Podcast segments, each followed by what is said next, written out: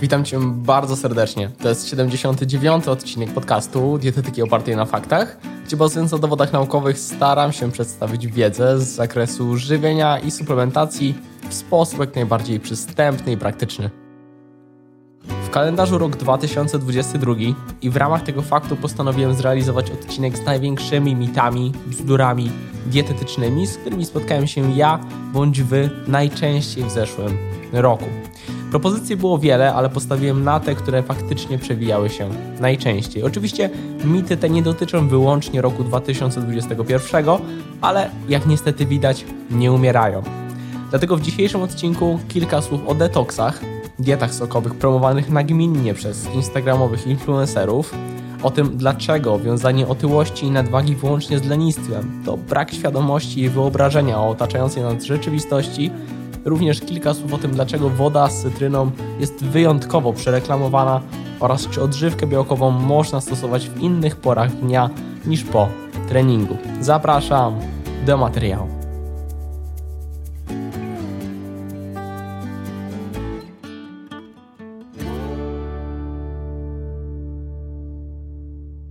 Zaczynając od diet i detoksów sokowych, jest to rozwiązanie niezwykle niestety popularne i promowane jako poprawiające samopoczucie, pozwalające pozbyć się zmęczenia, stracić tkankę tłuszczową i rzekomo oczyścić nasze całe ciało lub konkretne narządy, np. jelita.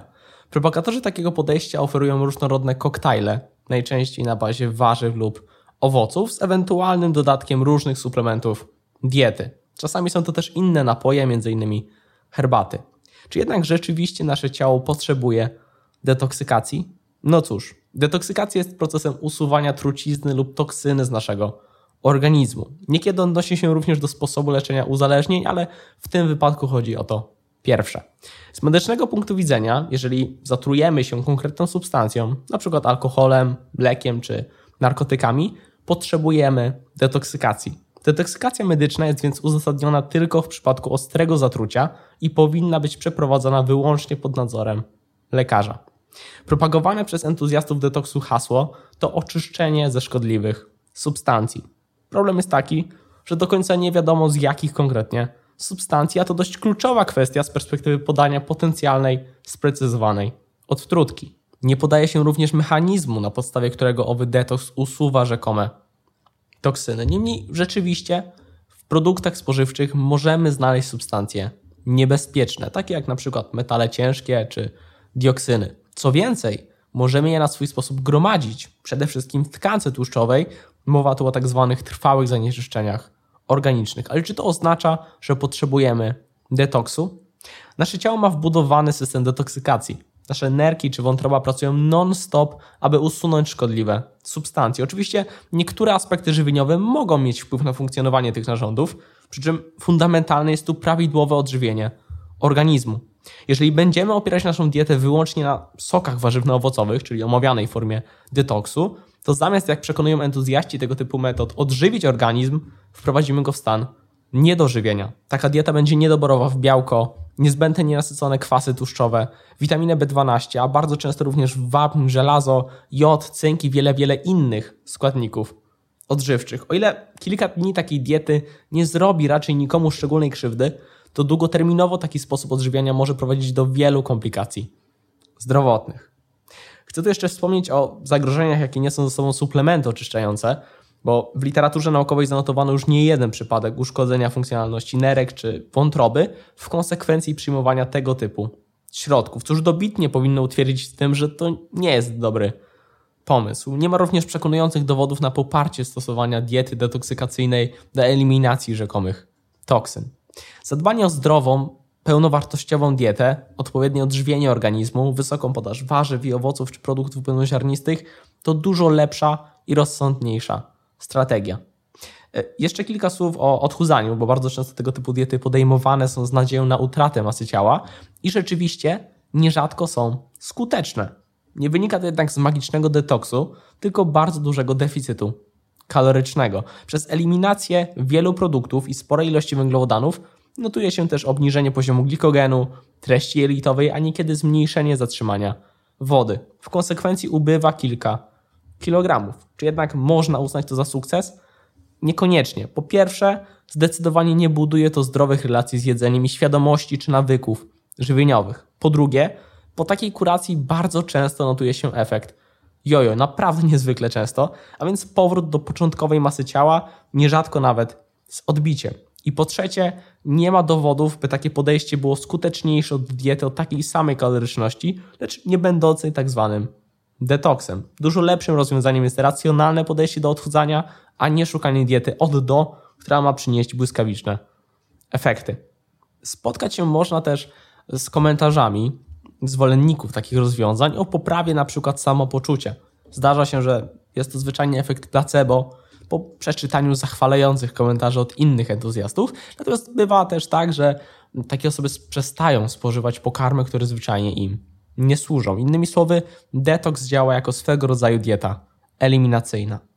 Dlatego generalnie diety i suplementy detoks to ściema i często naciąganie na naprawdę duże pieniądze. Warto na to uważać, szczególnie teraz w okresie postanowień noworocznych. W przypadku ostrego zatrucia substancją toksyczną potrzebujemy natychmiastowej interwencji lekarskiej, a nie diety sokowej.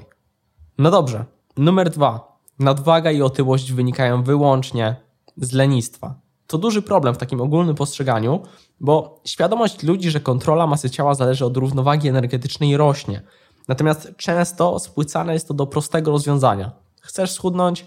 Jedz mniej, ruszaj się więcej. I na podstawie tego formułowany jest prosty wniosek, że jeżeli ktoś zmaga się z nadwagą lub otyłością, to je za dużo, rusza się za mało i to dlatego, że jest leniwy i nawet jak próbuje, to za mało się stara. To krzywdzące, bo taka perspektywa zamyka się tak naprawdę na wierzchołku góry lodowej.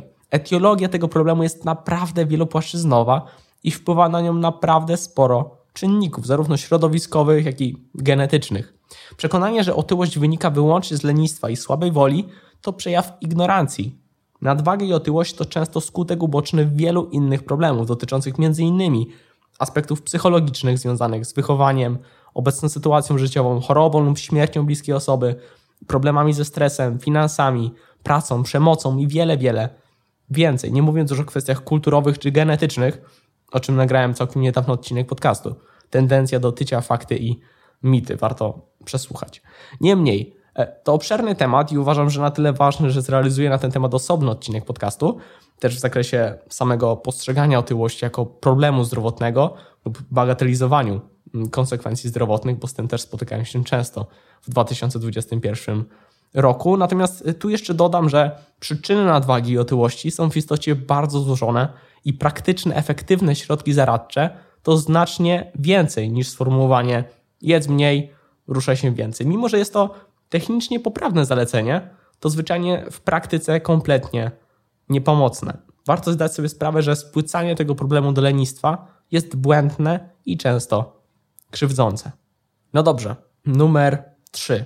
Woda z cytryną jako rozwiązanie wszystkich problemów zdrowotnych. Nie mam zielonego pojęcia, przyznam szczerze, dlaczego akurat temu połączeniu przypisuje się tyle niesamowitych właściwości, bo naprawdę czasami grafiki na Instagramie sugerujące wpływ wody z cytryną na organizm sprawiają, że moje oczy otwierają się naprawdę szeroko.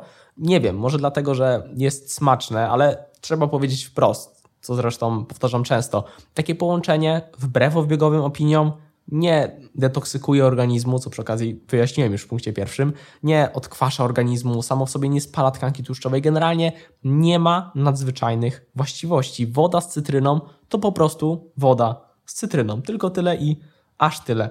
Może stanowić część dziennej puli spożywanych płynów, jak najbardziej. Niektórzy bardzo lubią ten smak, pozwala im to pić więcej wody, super, ale to nie jest święty gral dietetyki.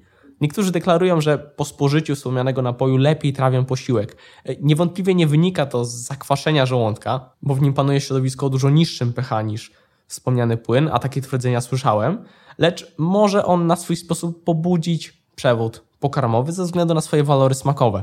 Niektórzy jednak wprost przeciwnie. Źle się czują po takim napoju, dlatego nie dla wszystkich to dobre rozwiązanie. Warto też wspomnieć, że niestety kwas cytrynowy może uszkadzać zębów i przy takim regularnym spożyciu to może być problem. Chcąc temu zapobiec, można m.in. ograniczyć bezpośredni kontakt kwasu ze szkliwem, na przykład za pomocą słomki. Niemniej podsumowując, woda z cytryną to zdrowy napój, śmiało można z takiego rozwiązania korzystać, ale przestrzegam przed przypisywaniem mu nadzwyczajnych właściwości. To zwyczajnie woda z cytryną, nic więcej. Ok, numer cztery. Mit trochę siłowniany, ale wciąż występujący. Odżywka białkowa tylko po treningu. I właściwie tu jest podobnie jak z wodą z cytryną. Odżywka białkowa to źródło białka. Nic magicznego, nie działa tylko w obrębie okołotreningowym, stanowi potencjalne uzupełnienie diety. Może przydać się w sytuacji, gdy mamy problem z dostarczeniem odpowiedniej ilości białka w ciągu dnia. Natomiast dostarczenie odpowiedniej ilości protein w diecie nie wydaje się wybitnie trudne, szczególnie u osób spożywających produkty odzwierzęce. Mimo wszystko jest pewnym rozwiązaniem, wygodnym rozwiązaniem i może się przydać. Bez wątpienia nie jest jednak niezbędna, a tym bardziej tylko po treningu. To totalny mit. No dobrze. Postawiłem na te cztery mity, które pojawiały się najczęściej na moim Instagramie i na YouTubie. Mam nadzieję, że ten materiał okazał się wartościowy, a ja się żegnam. Do zobaczenia, do usłyszenia już niebawem. Hej!